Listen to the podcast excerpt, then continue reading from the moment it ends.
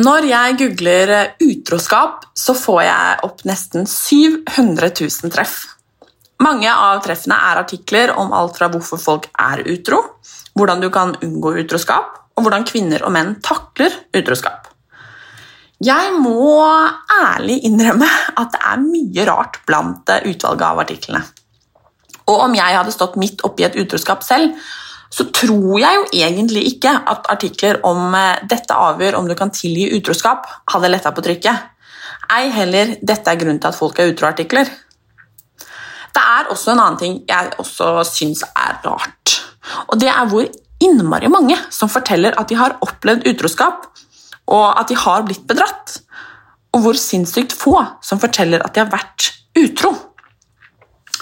Når jeg googler statistikk rundt utroskap, dukker det opp en gammel artikkel fra 2008 som forteller at ny, ja nå veldig gammel, kanadisk forskning viser at sannsynligheten for at kjæresten din kan være utro, nærmer seg 80% Nyere statistikk fra 2017 viser at rundt 60% av menn og 45% av kvinner vil være utro i løpet av ekteskapet. Nå veit ikke jeg hva som er fasiten her, men eh, jeg må jo ærlig innrømme at disse tallene gir meg litt hetta. Er det egentlig mulig å være i et monogamt forhold hele livet uten å være utro, bedra og såre partneren sin? Ja, jeg veit ikke. Men jeg velger å tro på at ekte kjærlighet finnes, at gjensidig respekt finnes, og at det er mulig. I dagens episode snakker jeg med Benedikte, som har blitt bedratt. Flere ganger ganske så heftig. Og som har vært utro selv. Og før vi drar i gang, så vil jeg eh, bare si Gjør det slutt fremfor å være en dritt og være utro. Vi kan, eh, vi kan jo dessverre ikke alltid få både i pose og sekk, og et brudd er ofte mye, mye bedre enn et utroskap. Og et brudd, det er ikke flaut. Det viser faktisk en enorm styrke å gi seg mens leken enda er god. Ja, og respekt.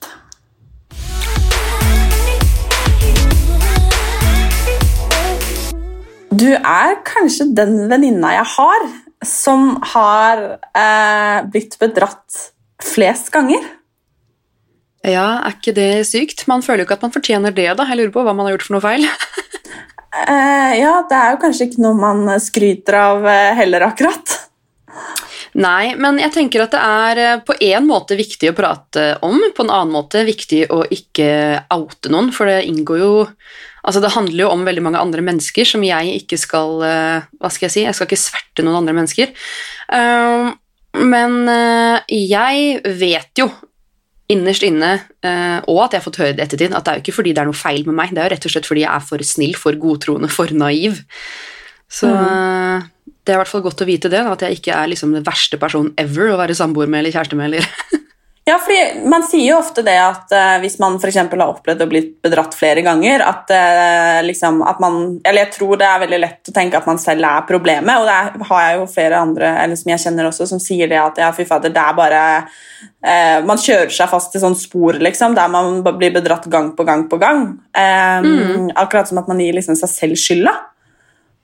Ja, det er nok lett å gi seg selv skylda, men samtidig, da, i mine tilfeller, så har det jo uten unntak endt med at disse mannfolka har kommet krypende tilbake fordi de angra. Da tenker jeg at da det, var det kanskje ikke så ille likevel. Gresset var ikke grønnere på andre sida, selv om du måtte prøve.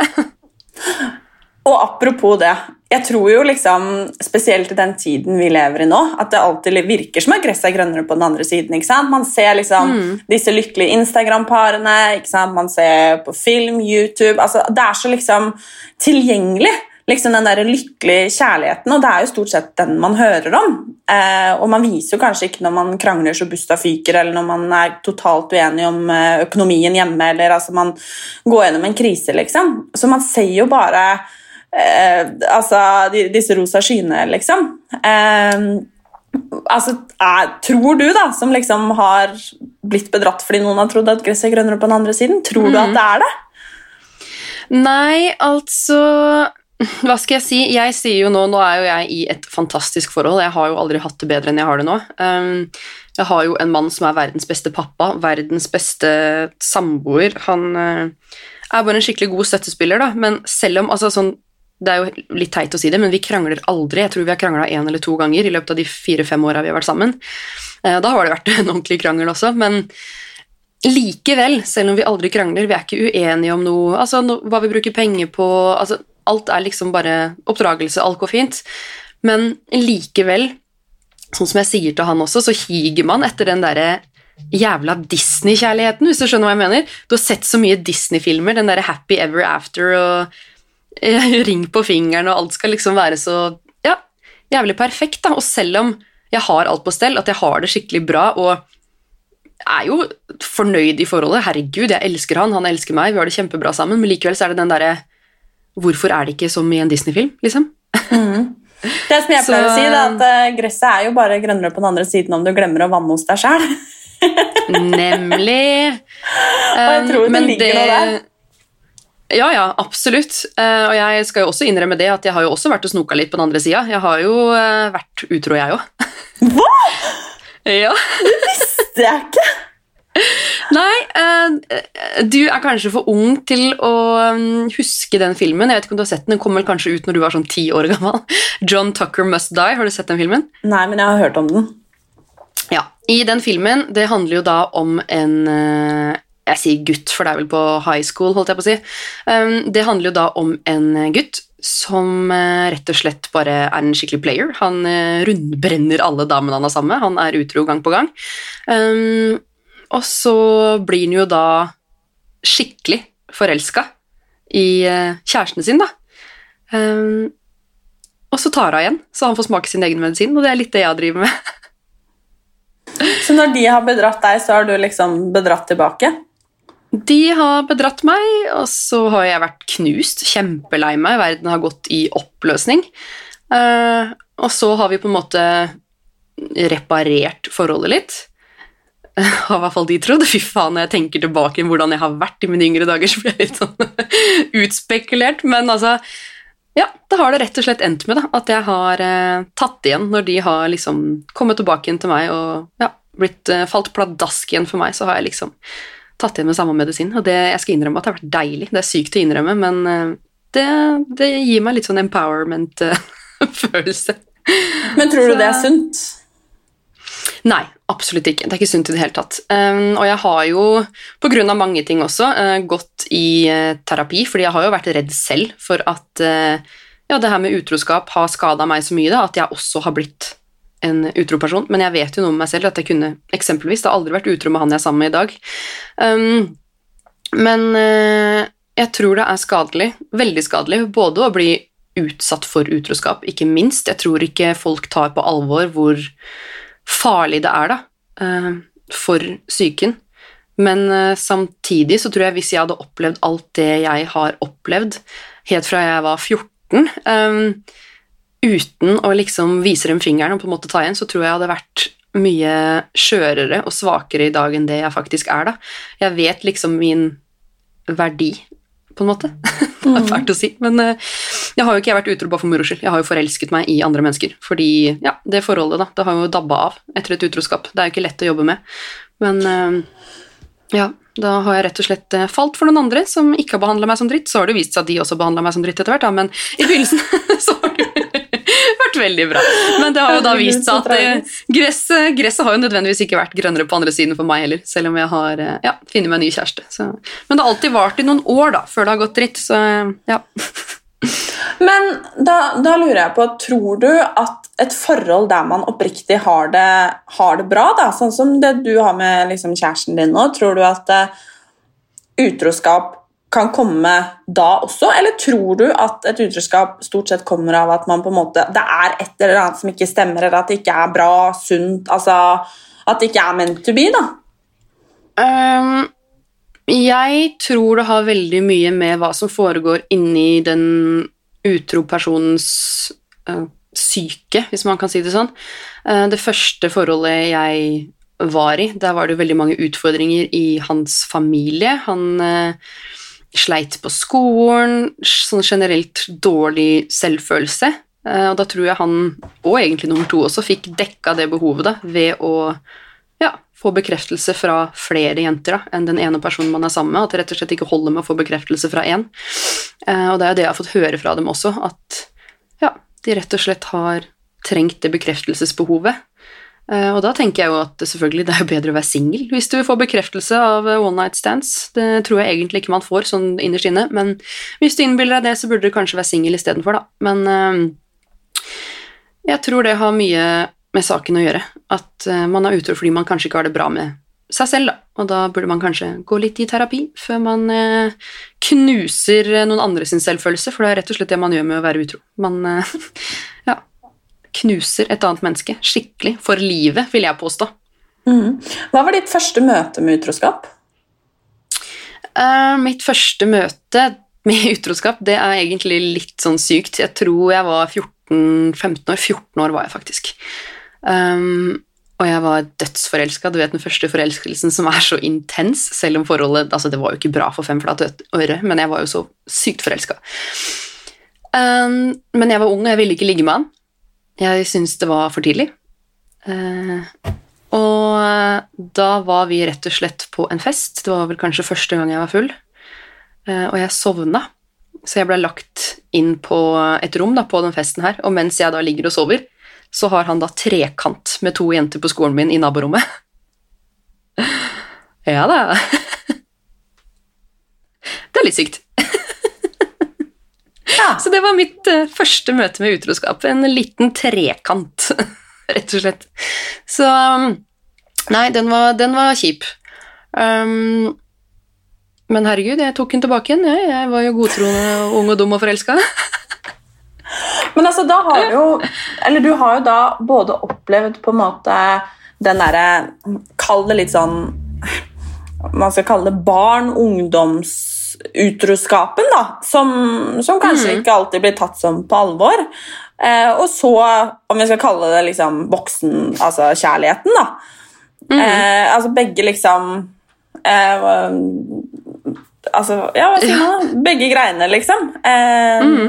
Og som vi har snakka om litt der, at det kanskje det blir jo tatt mest seriøst kanskje når man er voksen og man blir bedratt. Mm. Når du er ung, så blir du kanskje stua litt under teppet, liksom at ja, ja, men sånn er det, og liksom liksom avfeid litt, da.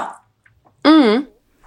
Uh, og det er skummelt. Det tror jeg er dritskummelt, spesielt for foreldre. Uh, det sitter sikkert mange foreldre og hører på denne episoden her nå. Jeg har liksom bare ett råd, og det er ta følelsene til barnet ditt på alvor. Hvis barnet ditt eh, opplever utroskap da, i ungdomsåra, så kan det hvis det ikke blir behandla riktig og snakka om, så tror jeg det kan skade så utrolig mye. Det kan gjøre at man ikke stoler på menn, at man ikke stoler på mennesker i det hele tatt. Um, at man føler at sine følelser ikke er viktige. Um, det kan gjøre veldig mye med selvfølelsen din, selvtilliten din, hvordan du føler deg. Um, du kan begynne å sammenligne deg med de, uh, i dette tilfellet jentene, da, som han har vært utro med. Um, og det er jo noe du tar med deg inn i voksenlivet, og kanskje for resten av livet også, at mannfolket er noe dritt, rett og slett. Og de fleste er jo ikke det, da, liker jeg i hvert fall å tro, selv om jeg har opplevd det jeg har opplevd. Um, men jeg tror det er veldig viktig å ta barna sine på alvor, snakke ut om det og behandle det utroskapet som om det skulle ha skjedd med dattera di når hun var 30 år og samboer og hadde barn, liksom. For det mm. er mm. De sier jo det at voksne mennesker de sier jo alltid det, voksne mennesker som uh, opplever utroskap, at det blir uh, litt som uh, at noen dør. Du går i begravelse, du får kondolanser, du får blomster på døra, folk sender deg meldinger og tenker på deg, og det er liksom en sånn sorgprosess som blir så akseptert, da.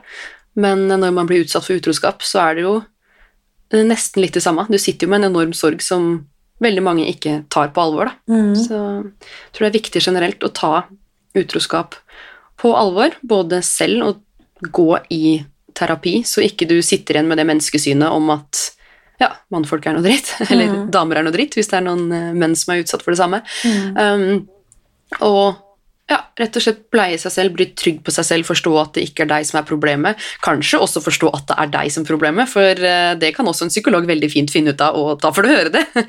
um, og så, ja, rett og slett eh, oppdra også barna sine til at eh, utro, det er man ikke. Det er skadelig, det er farlig, rett og slett. Det kan være livsfarlig hvis man knekker den rette personen, og det, har, eh, det er veldig ødeleggende da, i en persons liv, Mm. rett og slett.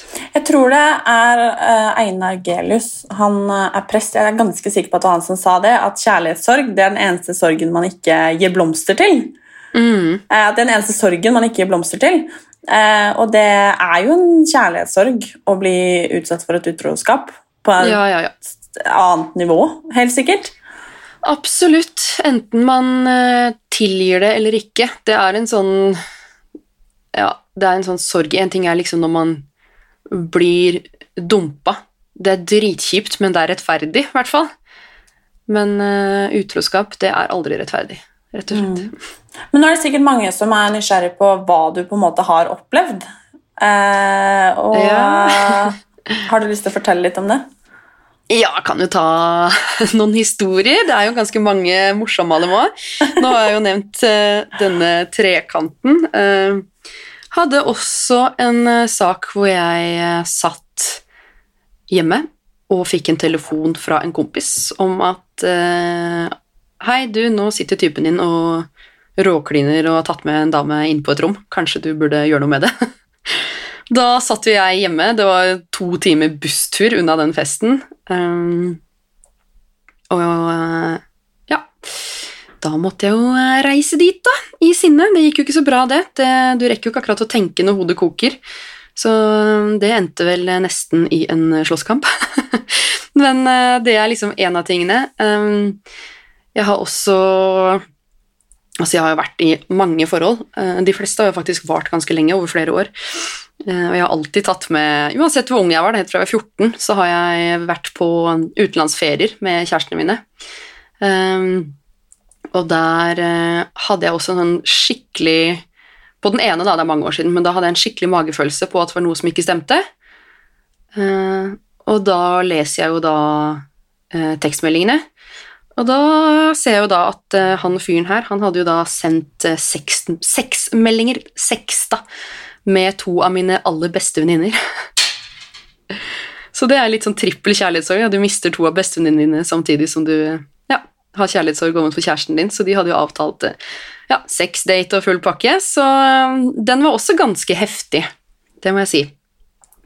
Um, men det verste det var vel kanskje den gangen jeg fant ut at um, kjæresten min hadde hatt en ah, Det blir vel nesten et dobbeltliv.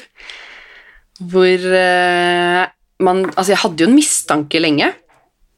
Uh, mistanken var der, men jeg bare ville ikke bekrefte den. Jeg vet jo det at da, Jeg kunne jo bare gått inn på telefonen og fått det bekrefta med en gang. Men jeg ville jo ikke tro det. Det er jo som regel sånn. Uh, og etter fire måneder så var den mistanken så sterk. Um, og da var vi også i utlandet. Altså, herregud, hvor mye det er, det er så kjipt å legge merke til sånt når du er i utlandet, for da er du stuck med personen, og det har skjedd så mange ganger. Um, og da var vi også i Syden, uh, og da var vi på uh, et utested, husker jeg. Var ganske fine i farta, hadde vært på en skikkelig god gammeldags uh, dagsfylla. Og så um, står jeg da i uh, baren, og så skal jeg bestille noen drinker, eller hva det var for noe. Uh, og så huska jeg ikke koden på kortet, uh, for det var jo da hans kort. Og så går jeg da bort igjen for å spørre om koden, og da ser jeg jo da at han sitter da og chatter med en dame, da. Uh, og det er jo da den dama som jeg hadde mistenkt at det var noe med helt fra ja, flere måneder tilbake. Um, og jeg forstår jo da hva som skjer. Uh, jeg kaster meg da, altså Den kvelden var så dramatisk, jeg hadde på meg høye hæler. Jeg løp rundt hele byen der, kasta meg inn i en taxi mens han omtrent la seg på panseret og ba bilen om å stoppe. Og jeg bare Just drive, just drive. Superdramatisk. Det skulle vært en film, liksom. Og altså, Det er nesten morsomt, for jeg parkerer da eh, utenfor hotellet. Jeg har jo da løpt fra veska mi og alt. Jeg hadde jo ikke penger, så jeg måtte løpe fra taxien. Som om ikke det var nok å stå i det jeg allerede sto for, så måtte jeg liksom løpe fra taxiregninga i en ukjent by. Så jeg løper da opp og gjemmer meg på hotellrommet, da, hvor um, denne mannen kommer krypende inn døra til slutt da, og innrømmer hva som har skjedd, og det Da husker jeg bare at da eh, Da mista jeg det helt Jeg mista det totalt. Jeg husker jeg kasta en stol på han, jeg kasta en søppelbøtte på han. Jeg husker til og med at jeg tok av beltet på skinnjakka mi og Altså, jeg piska han. Jeg var så knust og så forbanna. Um, jeg sendte melding til foreldrene hans, jeg sendte melding til den uh, han hadde vært utro med. Jeg bare Ja. Det endte jo da med da, at uh, jeg kasta meg på første fly hjem til Norge aleine. Um, det var kanskje Det er den mest heftige opplevelsen jeg har hatt. Da var jeg i en dyp, dyp sorg hvor jeg uh, Ja, det er fælt å innrømme, men da var det blanding av rødvin og Sobril, og da var jeg så langt nede at jeg tror kanskje jeg raste ned ti kilo, jeg, bare på ja, noen få nesten dager. Jeg var så tynn og skrøpelig og spiste ikke. Eneste jeg drakk, var alkohol. Jeg bare bodde foran uh, peisen i sorg, rett og slett. Mm. Det, det var liksom Det var kanskje noe av det verste, og da føle seg liksom Jeg vet ikke. Man føler seg bare så så liten og så dum. Man føler seg så latterliggjort. Um, og jeg tok jo da telefonen hans også på et tidspunkt og leste gjennom alle meldingene de hadde sendt til hverandre, for han hadde jo ikke sletta de meldingene.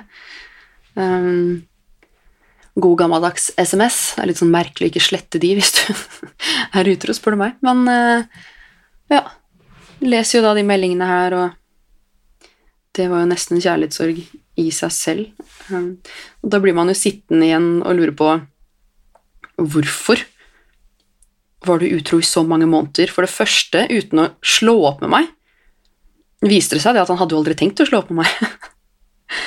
og da blir man litt sånn Ok, så du har egentlig lurt oss begge? Har du gitt den dama noen forhåpninger om hva som skal skje? Eller sitter hun der også og føler seg lurt? Altså, hva Jeg fikk jo aldri snakka med hun da, selv om jeg sendte henne en melding, men det er kanskje like greit. Um, men da sitter man liksom bare igjen og tenker Hvordan gikk det så til helvete? Og det her var jo ganske tidlig i forholdet også. Uh, så Nei, den episoden der, den var ganske krise. Jeg husker uh, når eh, jeg hadde kommet hjem, eh, så kom han eh, til meg og var der Jeg vet ikke om det var et døgn eller to, hvor vi prøvde å snakke om det her. Og han sa jo at uh, han var ikke forelska. så jeg bare Ok, hvis ikke du er forelska, hvorfor gjør du det her da? Hva er, hva er, det du driver med, liksom? Um, han var ikke forelska, han hadde aldri tenkt å dumpe meg for henne. Men uh, samtidig, da, så eh, Jeg tror rett og slett ikke han takla mer heller, så han forlot meg der på gulvet mens jeg lå og hylgrein. Jeg husker bare jeg lå naken på gulvet. Jeg følte meg så forlatt. Um, heldigvis så klarte jeg å få sendt en melding til noen venner som kom og liksom plukka meg opp. da. Og reparerte litt. Vennene mine kom jo liksom og lagde mat til meg. De Ja, det var jo egentlig de var jo litt sånn støttekontakter i en periode, før han da etter hvert da kom krabbene tilbake inn et par dager etterpå. Så da var det jo hele den veien til tilgivelse der igjen, da. Men hvordan den, i alle dager klarer man å tilgi? For jeg tror jo at veldig mange tenker at og hvis kjæresten min er utro, så skal jeg eh, eh, Da kan hun bare drite og dra, liksom. Eller da skal jeg dumpe ham på mm. flekken. Eller altså at, man, altså at, det er lett å tenke det. Eh, og hvordan mm. hvordan tilgir man? Og hvorfor har det føltes rett for deg? Um, I de fleste tilfellene så har jeg jo tilgitt bare fordi jeg liksom har følt at jeg har vært Altså egentlig litt sånn skada. Um, I mange av de forholdene så fikk jeg jo veldig ofte vite at uh, jeg var ikke pen, jeg var ikke morsom, uh, jeg var ikke verdt noe. Jeg var jo også i et forhold hvor um, hvis vi satt rundt et bord og jeg prata, og hvis jeg prata til en av de med motsatt kjønn rundt bordet, så kunne kjæresten min sparke meg i leggen. For jeg skulle jo ikke åpne kjeften, jeg skulle ikke prate med noen.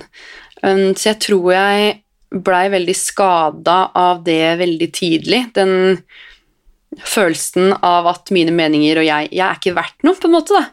Jeg tror det har vært uh, grunnen til at jeg har tillit. Og så er det det at jeg har måte Jeg har vokst opp med utroskap også. Uh, det har vært utroskap uh, i omtrent alle relasjonene. Altså, altså Bestefaren min var utro mot bestemora mi. Det var vel noe utroskap blant foreldrene mine også det er liksom Jeg har vel vokst opp da, eh, som barn, og igjen da fått bekrefta som ungdom at utroskap, det, det, er helt normalt. Så jeg har vel sikkert tenkt at det, det er vanlig. Det er noe som skjer alle. Mm. Så eh, Men eh, den eneste gangen som jeg har tilgitt til, og det faktisk har fungert og tilgitt da, til det har blitt slutt, det er jo ja, den siste gangen hvor man da virkelig gikk eh, inn i det. Vi eh, gikk i terapi, uh, hver for oss, men uansett, det var liksom et av krava. At man skulle kommunisere, komme til bunns i hvorfor det har skjedd. For det er liksom Jeg har bare konkludert selv, egentlig, alle gangene med uh, hvorfor, de, hvorfor, det har skjedd. Jeg har jo forstått når de har fortalt meg ting fra barndommen sin og ja, alt mulig sånt, men nå har jeg i hvert fall forstått det, da, at hvis det skulle blitt slutt med meg og Prince Charming som er sammen med nå, så skulle jeg i hvert fall uh, Ja, jeg har lært mye i løpet av de forrige forholdene mine, så da Man blir jo etter hvert da veldig streng på hvem man eh, tar inn i livet sitt, og hva man eh, Hva skal jeg si Hva man aksepterer. Nå er det sånn, Hadde kjæresten min som jeg har vært sammen med nå, hadde han vært utro nå, som ting er seriøst, og det er liksom hus og barn og felles lån og alt er liksom Hadde han vært utro nå, det hadde ikke vært snakk om engang.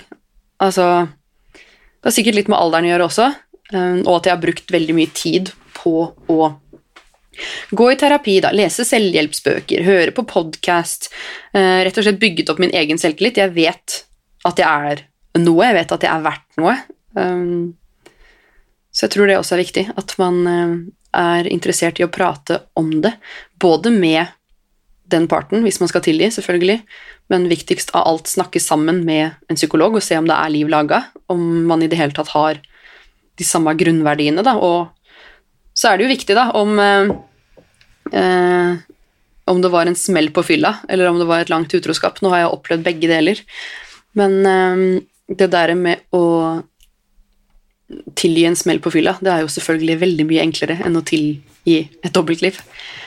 Men, Men det krever veldig mye jobb.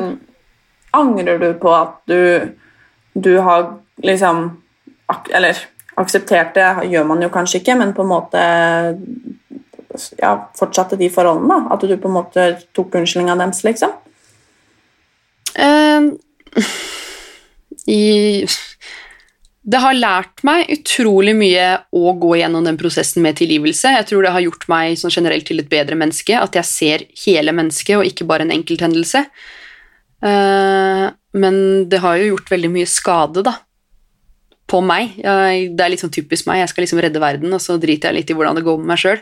Blitt litt flinkere til det med åra, men uh, jeg, hvis jeg skulle gjort det på nytt med den kunnskapen jeg har, så hadde jeg jo aldri i verden gjort det. Én ting er å tilgi en ting én gang, men så mange ganger som jeg har gjort, det, det er bare skadelig. Men um, Nei, jeg tror også det har gjort meg til et veldig mye snillere, varmere menneske. Og jeg har lært veldig mye om andre, da, om meg selv, og så blir man jo sterk. Herregud, så sterk man blir. Mm. Det er jo grenser på hvor sterk man skal bli, men noen ganger så tenker jeg sånn Hvis jeg blir noe sterkere nå, så Hva skjer da, liksom? Nå ja. kan jeg ikke bli noe sterkere. Men jeg er enig. Eh, Å, fytti rakkeren. Men, Men jeg lurer sånn det, Folk har jo veldig sånn forskjellige grenser når det kommer Mm. til utroskap. For noen er det jo at man eh, omtrent snakker med det motsatte kjønn hvis man er på byen, f.eks. Eller Mm. eh, for noen så er det liksom altså, altså For noen er bare sex utroskap. Altså, det skillet Mm. er liksom så uh, individuelt, da. Og jeg tenker at det skal få lov til å være eh, individuelt. Det er ingen som skal Mm. få bestemme hva jeg syns på en måte er et overtramp, og, eller hva du syns er et overtramp. Og derfor lurer jeg på hva, hvor går grensa di, da? Ta f.eks. det forholdet du er i, er i nå. Altså, hvor hadde Mm. grensa gått? Nei, uh, sånn generelt egentlig hele livet så har jo ikke jeg uh, Jeg har ikke vært en sjalu person. Jeg har uh, aldri nekta noen fra å ha jentevenner. Jeg har aldri nekta noen i å snakke med uh, venninnene sine. Jeg har aldri nekta folk å dra på fest eller julebord eller Egentlig aldri nekta noen ting. Så blir man jo litt sånn Ok, er det derfor jeg er blitt bedratt? Fordi jeg liksom har vært for, for snill, da? Men så kan man jo ikke tenke sånn heller. Men jeg merker jo det at jeg blir jo eh, strengere og strengere for hvert forhold jeg har gått inn i. Eh, men sånn som han jeg er sammen med nå, jeg har jo aldri nekta han noe som helst. Men jeg kjenner at grensene mine nå, per dags dato Jeg har jo brukt de siste årene veldig på å finne ut hvem jeg er. Eh, ja, både som kjæreste, mor, datter, venn i business. Liksom, ja, Finne ut veldig hvem jeg er, og hvor grensene mine går egentlig i alle tilfeller. Sammen med psykologen min også. Jeg har lært meg å unfollowe i det virkelige liv. Eh, samme som man gjør på Instagram. Rett og slett slå opp med folk som ikke er bra for meg. Um, så nå så er eh, grensa ganske lav for meg. Nå går den grensa ved ja, rett og slett eh, meldinger. Hvis du deler mer da, av eh, innsiden av deg med et annet menneske enn det du gjør med meg, eller like mye for så vidt, så eh, da er grensa nådd. Jeg skal være nummer én, jeg skal være den du prater med hvis du har noe du vil snakke om, jeg skal være den du deler følelser med. Ja, så nå er eh, The bar is low, rett og slett. Men jeg har jo eh, flere venninner, og kompiser for så vidt også, som har blitt utsatt for, eh, for utroskap. Eh, og, det er jo ganske rart det der at eh, hvis man spør Hvis man snakker om utroskap, så er det jo veldig mange som har blitt bedratt. Men det er jo ingen som har eh, vært utro. det er veldig sjelden Nei. folk strekker hånda i været og sier ja, men jeg har vært utro, og med tanke på hvor mange som har blitt bedratt, og som sier de har blitt bedratt, eh, så er det jo ganske mange som eh, har eh, ja, har bedratt, da. Ja, de Eh, sier jo, hva er det de sier? At eh, sånn 70-80 eller noe har opplevd utroskap, men så er det bare 10% som har vært utro. Det rimer jo ikke helt. Nei, da skal man veldig Da skal man dele veldig på kjærestene sine, tenker jeg, da. Um, men eh, nei, jeg tror det også er viktig å innrømme. Jeg har i hvert fall ikke noe problem med å eh, innrømme det. Jeg tror det er også en veldig viktig del av eh, å finne ut av seg selv, da, hvor eh, Ja, hvem man er, rett og slett. Og også i det hele tatt for å unngå det. Man har jo ikke lyst til å være en utro person. Nå unnskylder jeg det litt da, med at jeg har tatt hevn. Men jeg har jo aldri vært utro mot noen som jeg mener ikke har fortjent det, da. Selv om ingen fortjener å bli bedratt. Men når du har trekant på naborommet, altså, da ber du om det, altså.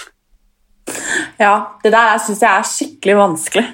På hvor liksom grensa går. og Jeg synes også det er vanskelig det der å liksom Jeg tror kanskje at av og til, som jeg sa i stad, så er utroskap noe for meg, men det er ikke nødvendigvis det samme for deg. Og det er klart, Hvis man ikke har de tydelige grensene i den relasjonen man er i Det er eh, kjempeviktig. Altså kommunikasjon på alle måter. Man skal kommunisere om grensesetting, man skal kommunisere om oppdragelse, kommunisere om eh, sex. Altså man skal Vi utvikler oss eh, hele livet, og hvis ikke vi snakker sammen og blir kjent med hverandre på nytt, så tror jeg det er veldig lett å gå i de fellene, da, at man er utro, eller at man faller for noen andre, eller Ja. Så jeg tror folk generelt må bli veldig mye flinkere til å kommunisere og sette grenser og det viktigste er kanskje å ha et felles mål og felles verdier. At man, om det så er økonomi, da, at man sparer til det samme målet. Hvis uh, den ene har lyst på hytte på fjellet, og den andre har lyst på hus i Spania, som uh, um, en podkastgjest av meg sa nå, så har man kanskje et lite problem. Og hvis det da gjelder i flere deler av hverdagen, så tenker jeg at da, kanskje, da står man kanskje ikke på de samme grunnpilarene, da. Og det er vel litt viktig å finne ut av før man går videre med et forhold, om man har de samme verdiene og ja, samme grensene. Og jeg kjenner jo mange som ikke aksepterer at kjærestene deres har en eneste dame på Snapchat, f.eks. Da blir de kasta ut. Men så har jeg også venner som er i åpent forhold, som ligger rundt og omtrent ser på hverandre og har sex med andre. Så det er liksom Det er veldig individuelt, da, men det er, eh, viktigste er jo kommunikasjon. Og jeg tror det er veldig, veldig viktig før man kommer så langt. Og det aller viktigste er jo det å ja, snakke sammen før det går så langt at man er utro. Og helst snakke sammen før man i det hele tatt slår opp, for det er jo fint hvis man kan normalisere det og f.eks. gå i parterapi da, og få hjelp før man begynner med brannslokkinga når skaden allerede har skjedd. Det tror jeg er viktig. Men eh, du da som på en måte har vært eh, eller både gjort og opplevd det, holdt jeg på å si eh, For man sier jo ofte det at hvis Nei, men han der vet jeg var utro med den forrige kjæresten sin, f.eks. Eller hun der burde du ikke være med fordi hun bedro kjæresten sin, liksom. Mm. Eh, at eh, En gang ofte- utro, alltid utro. Ja, nettopp. hva, hva tenker du om Mm. det? Nei, jeg må jo bare si Jeg må jo bare tenke at det ikke stemmer, for ellers hadde det gjaldt meg òg. Um, så jeg tror ikke det er noe som heter en gang utro, alltid utro, men jeg tror at det er veldig lett å være utro igjen hvis man ikke gjør noe med grunnen til at man var det i første omgang. Hvis man ikke tar tak i det, snakker med partneren sin hvis de er villige til det, eh, går i terapi um, Det som har hjulpet meg veldig, var jo å gå til psykolog og rett og slett grave opp i hendelser da, som har skjedd helt fra jeg var liten. Ting som eh, kan gjøre at eh, ja, at jeg har normalisert utroskap, da. Og bare det her med selvfølelse, at jeg har måttet lære meg på nytt da, at uh, jeg er noe, jeg er verdt noe. Du skal ikke få lov til å behandle meg som dritt, du skal ikke få lov til å tråkke på meg. Og det samme med å ja, rett og slett eh, lære seg selv, da. Og sette grenser og oppfordre andre også, som kanskje har vært utro. Om du f.eks. har en venninne som har vært utro, så få den dama i terapi. For mest sannsynlig så er det ikke bare fordi hun var kåt den ene kvelden. Det ligger eh, ofte veldig mye mer bak. Så ja, rett og slett se hele mennesket og få folk til å gjøre noe med det. Fordi en gang utro, alltid utro. Ja, hvis ikke du gjør noe med årsaken til at du var utro, så tror jeg på det. Men eh, også andre som eh, jobber med seg selv, der tror jeg ikke på det. Jeg har jo lært eh, som venninne veldig mye om utroskap. Mm. Um, både gjennom deg og gjennom andre. Dette her med at uh, man også tenker da at uh, fuck han eller fuck henne, liksom. At uh, det er dump han, eller altså hun der må du bare gå fra med en gang, er ikke bra for deg, bla, bla, bla. Ikke sant? Mm. Um, og når jeg har stått på sidelinja som venninne, så har jeg måttet gå så mange runder med meg selv. Eh, for jeg tror det er veldig lett å på en måte bli sint. Og jeg vet jo til og med om eh, folk som har mista venner fordi at de f.eks. har valgt å stå i, i utroskapen. da. Eh, Det har jeg gjort det selv. Mhm. Jo, men ikke sant? Akkurat som at jeg skulle slutte å vært venn med deg fordi at du valgte å bli. Eh, og da har jeg måttet lære det at det er, jeg er venninna di. Og det er ikke min oppgave å fortelle deg hva som er rett og galt. Min oppgave er å være der for deg i det valget du velger å ta. Mm. Uh, Det, det er veldig viktig, for hvis du føler at vennene dine ikke støtter valget ditt i, ja, i det du går igjennom, da, uh, så risikerer du som venn å rett og slett miste en venn. Fordi, som du sier, da, det eneste du kan gjøre, er jo å være der. Hva trenger du? Hva vil du at jeg skal gjøre? Um, og så er det litt sånn som jeg tenker òg, hvis venninna di velger å eh, tilgi og gå videre med livet sitt, eh, så skal ikke vennene til eh, den eh, jenta Vennene skal ikke eh, ta med seg sine meninger og sine følelser rundt det her inn i f.eks. hvis man kommer på en fest eller hvis man kommer på et middagsselskap eller noe sånt. Um, for tro meg, det er ikke lett å invitere til den første parmiddagen eller første dobbeltdaten eller første festen eller hva som helst etter at man har tilgitt en uh, utro partner. Det kan fort bli krangling, det kan fort bli misnøye, og jeg merka jo det i de tidligere forholdene at ting blei jo rett og slett aldri bra. fordi vennene mine aldri slapp det naget som de hadde. Det blei liksom Nei, det ble aldri det samme. Det ble bare kleint. Jeg mista venninner. Jeg eh, slutta rett og slett å tro på at det forholdet her funker, fordi hvis man ikke er sammen med noen som familie og venner aksepterer, så blir det jo ganske vanskelig. Så jeg tror det er viktig for familie og venner da, å sette den personen de er glad i, først, og sette sine egne følelser til side, og eh, prøve så godt det lar seg gjøre, og late som at det ikke er skjedd, faktisk. Mm. sånn utad uh, overfor den andre partneren, da. Selvfølgelig, jeg har satt veldig pris på når venninnene mine har uh, sendt eh, noen skikkelig reprimander til disse drittsekkene jeg har vært sammen med. Eh, så når eh, de har fått meldinger av venninnene mine, så har jeg satt utrolig pris på det. Samme med foreldrene mine. Jeg har gjort det, og jeg. Ja, ja, ja. Nei, det er kjempebra. Um, jo, men det er, det er, som jeg har tenkt, da, og tenker at um, hvis man f.eks. velger å, å, bli, for det er det dette her handler om det er klart, Velger man å gå fra hverandre, eh, mm. så er det jo, må man jo stille opp på en annen måte igjen. Men mm. hvis man da velger å bli, sånn som du stort sett har gjort, eh, så er det som jeg tenker at eh, jeg må ikke ha på en måte Eller jeg må ikke ha respekt for eh, verken hva som har eh, skjedd, eller mm. for nødvendigvis den utroparten. Jeg, jeg, mm. Det er ikke et krav noen kan ha til meg som venninne. Men eh, om jeg ønsker å fortsette å være en god venninne, så må jeg ha respekt for hva f.eks. du velger. Mm. Um, og det er noe jeg på en måte aldri hadde tenkt på før jeg sto der som venninne og lurte på hva faen gjør jeg nå når det ikke hjelper med sjokolade eller, eh, eller peptalk, liksom, om man faktisk skal, skal stå i det, da, selv om man kanskje er uenig. Mm. Eh, fordi at eh, det er klart som venninne eller foreldre eller hva man er, så er det jo lett å, å liksom kappe hånda av den som har bedratt. Eh, men igjen, mm. da er det jo liksom Det er ikke min oppgave å gjøre det. Nei, det er ikke din oppgave. Som du sier, Det viktigste er å respektere venninna di sitt valg. Men jeg, som du sier da, ingen kan kreve av deg at du skal respektere den uh, andre parten. Men jeg syns også det er viktig at man skal være åpen for at man kan reparere det synet på den personen også. Mm. Uh, for jeg tror på sikt da, at uh, Ta et eksempel, da. at jeg hadde valgt å tilgi, og vi var venner. du respekterer meg, men du nekter å prate med han, eller du nekter å respektere han. Da blir det veldig vanskelig for meg å ha dere i samme rom, og det kan igjen gå utover vårt vennskap. Mm. Eh, så selv om det ikke skjer over natta, eller om du ikke har lyst, så må man på en måte være åpen for at ok, det her er ståa, det må også på en måte jobbes med, da. Mm. Eh, for eh, hvis ikke hm? ja, Noe sier meg jo da at det kanskje er verst for verst for Meg. den Ja, ja deg òg, men altså den personen som på en måte eh, har vært utro også, og faktisk skulle mm. liksom krype tilbake og overbevise på nytt. Ja, ja, ja, 100 eh, Uten altså, å sympatisere de... med det, liksom, men ja.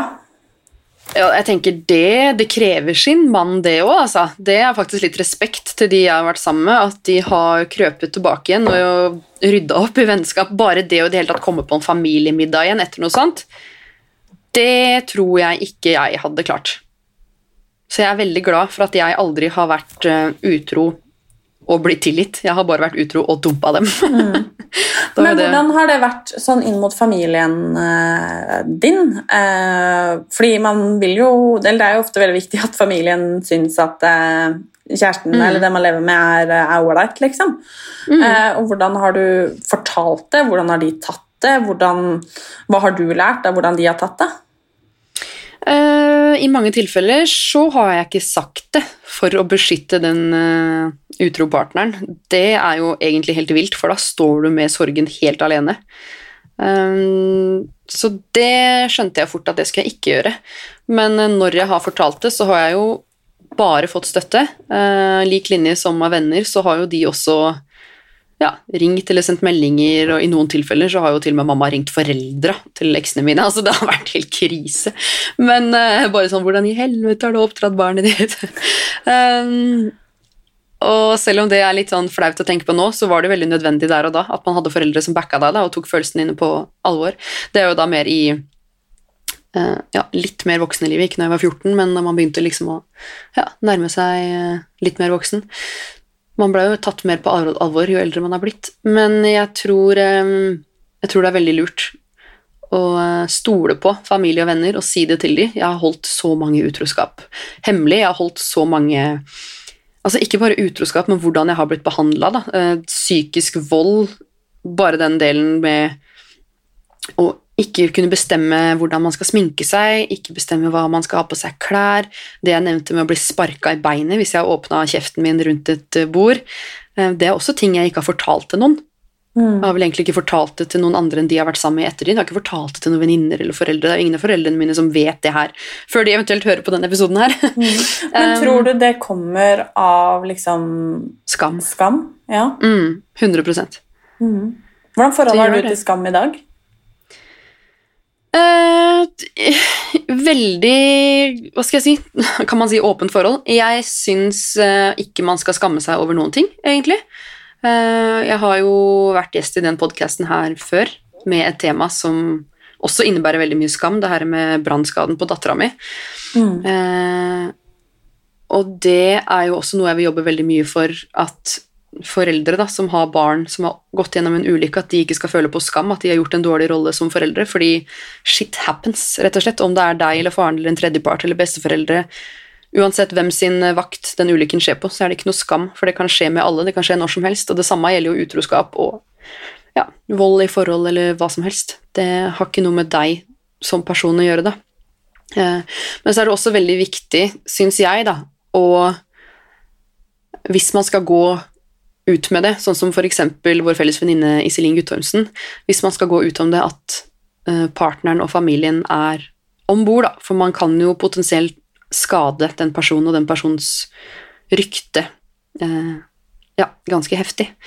Eh, så det respekterer jeg fullt at hun har gjort, og hun har hjulpet mange, men det er ikke noe for meg, f.eks. da. Mm. Jeg kan snakke generelt om det, men jeg ønsker jo ikke å oute noen, rett og slett. Det er jeg ikke interessert i. Mm. Hva men, eh, har fjerne tabu, det kan jeg godt være med på. ja. Hva har du lært om liksom, kjærligheten av dette her, av alle bedrageriene? um, fælt å si, men jeg har lært at uh, jeg tror ikke på jeg tror ikke på den evige kjærligheten.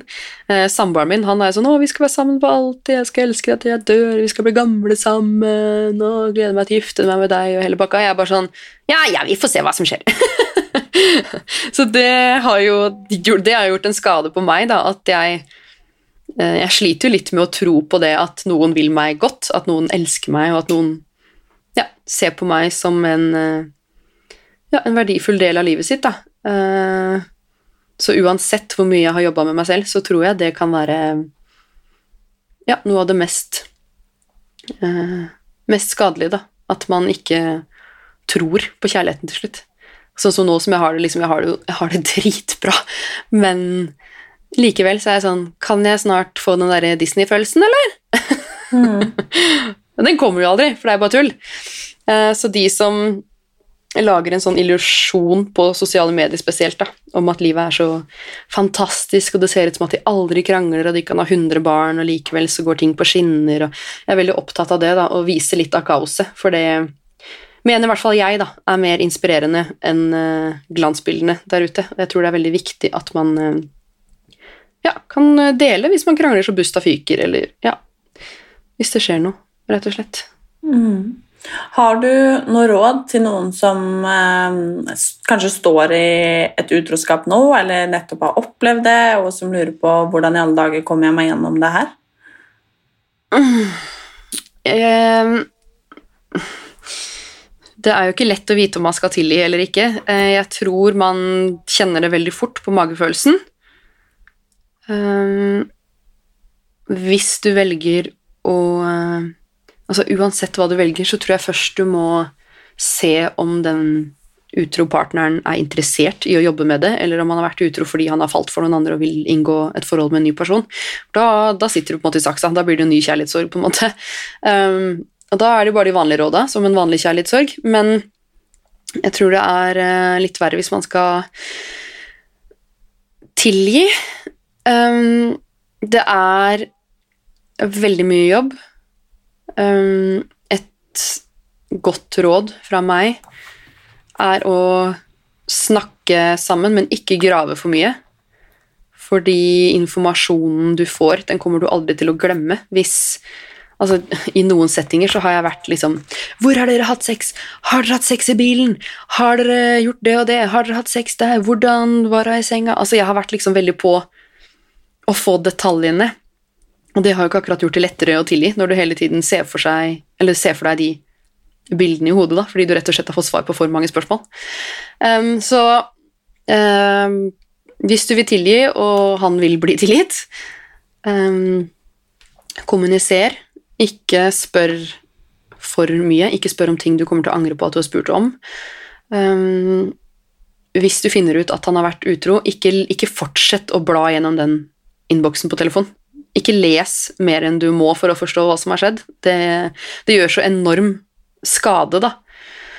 Uh, selv om man tenker at man vil vite alt. Jeg tror det viktigste er kanskje å oppsøke en psykolog, både hver for seg og kanskje ter uh, terapi, parterapi sammen. Og så kan heller den tredjeparten da, stille de spørsmålene, for den vet jo hva som er nødvendig å få svar på, og ikke, for å gå videre. Um, og så ta tida til hjelp. Det kan ta måneder og år. Det kan sikkert ta et helt liv. Jeg, jeg tror mange av de utroskapene kommer til å sitte i meg for resten av livet. Jeg kommer alltid til å selv om jeg ikke uttrykker det overfor kjæresten min, jeg kommer alltid til å være litt ekstra redd hvis uh, Hvis han drar på fest, hvis han uh, skal på julebord, hvis det begynner å jobbe en ny jente der hvor han jobber, eller litt sånne ting, da. Selv om jeg ikke viser det til han, for jeg har ikke lyst til å være den personen som Ja, hva skal jeg si uh, Påvirker hverdagen hans i en sånn negativ måte. Men det kommer alltid til å påvirke psyken min, og det Ja, det må man bare rett og slett jobbe med, da. At man eh, klarer å tilgi. Uh, du kommer aldri til å glemme. Det er ikke sikkert du kommer til å tilgi med det første heller, men uh, snakke ut om det. Bearbeide det så godt det lar seg gjøre. Kjøp deg en fuelbox. Jeg har uh, kjøpt den nå, bare for, nå er det bare for moro skyld for vår del, for å ha litt uh, samtaleevner i hverdagen. Men kjøp en fuelbox, bli kjent med hverandres verdier, finne ut om det er noe som kan jobbes med, om man i det hele tatt har det samme fremtidsmålet. Um, og så rett og slett ta et valg på hvem du vil dele det med. Jeg tror ikke du trenger å dele det med hele verden. Da Ja, det kan man heller prate med noen andre om. Men uh, jeg vil i hvert fall anbefale å ikke dele det med hele verden, for da skal du plutselig få veldig mange andre sine meninger på hvilket valg du har tatt, da. Del det med de du stoler på, som du vet er der for deg. Og ja, hold eh, kjeft til de som du tenker kanskje egentlig ikke vil deg godt, eller som ikke kjenner deg, eller som du ikke stoler på. Mm. Så det er drittøft. Det var uh, mange timer i badekaret med stearinlys og musikk og grining. mange timer uh, terapi. Eh, mange timer med kjefting. Mange timer med altså sånn helt random grining flere måneder etterpå, så kan man bare plutselig våkne at man hylgriner på natta. Uten, uten, grunn, men man bare får et sånt flashback, da. Og du kommer aldri til å Det blir feil å si at du kommer aldri til å stole på noen igjen, um, men du kommer nok til å slite, og da er det også viktig at du ikke legger det over på den partneren hele tiden, for da kan man jo ende med å bli forlatt av den grunn. Så jobbe med det, rett og slett. Men eh, ja Tenke seg nøye om før man, før man deler ting, kanskje. Mm. Og som venninne, da, som har sittet og hørt på liksom, folk eh, jeg er glad i, liksom, snakke om at de ikke føler seg fine, eller at de ikke er pene nok, eller at tynne nok, eller deilige nok, eller noe sånt. Man tenker mm. at det er det det, det det, står på, liksom. Så er du fin, og du er pen, og du er vakker, og det er deilig, og det har ikke en dritt med det å gjøre.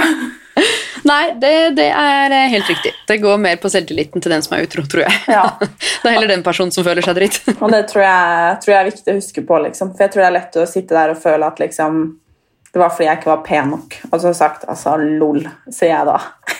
ja, fordi du ikke er pen nok, fordi du ikke er eh, Du trener ikke nok, du er ikke aktiv nok, du er ikke interessert nok i hans interesser, om det er å være med på fotballkamp eller game, eller at du uh, Altså, det, det, kan være, det kan være så mangt, da. Det går ikke bare på utseendet. Men uh, nei, du, du, er bra nok. Det er rett og slett noe galt med den som er utro. Det er ikke deg det er noe feil mm. med. Tusen takk, Benne, for at du ville dele med oss. Of course. Veldig hyggelig å snakke med deg igjen. Elsker podden. jeg håper at, eh, jeg håper at eh, hvis det er liksom noen som sitter nå og liksom føler seg dritt pga. det her, at de i hvert fall kunne kanskje ta med seg noen knagger da, fra hva ja, det er snakk om. Absolutt. Eh, og så er det jo bare å ja, sende meg en DM på Instagram hvis man er igjennom noe nå. Det, og hvis man har lyst til å tilgi, spesielt det med hvis det har vært et dobbeltliv, for den er vanskelig. Ass.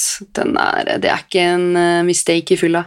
Så uh, ja, har man lyst til å tilgi at noen har hatt et dobbeltliv, så er det bare å uh, sende meg en melding, i hvert fall. Mm. Oh yes. Oh yes. Så Men da... At, vi kan slutte med å være utro. Hele verden. Ja. Det hadde vært det enkleste. Herregud. Men da ønsker vi alle en fin dag, da. Ja, det gjør vi. Ja. Godt 2020. Slutt å være utro. Du er bra nok. oh yes. Og tusen takk for at du hører på podkasten min.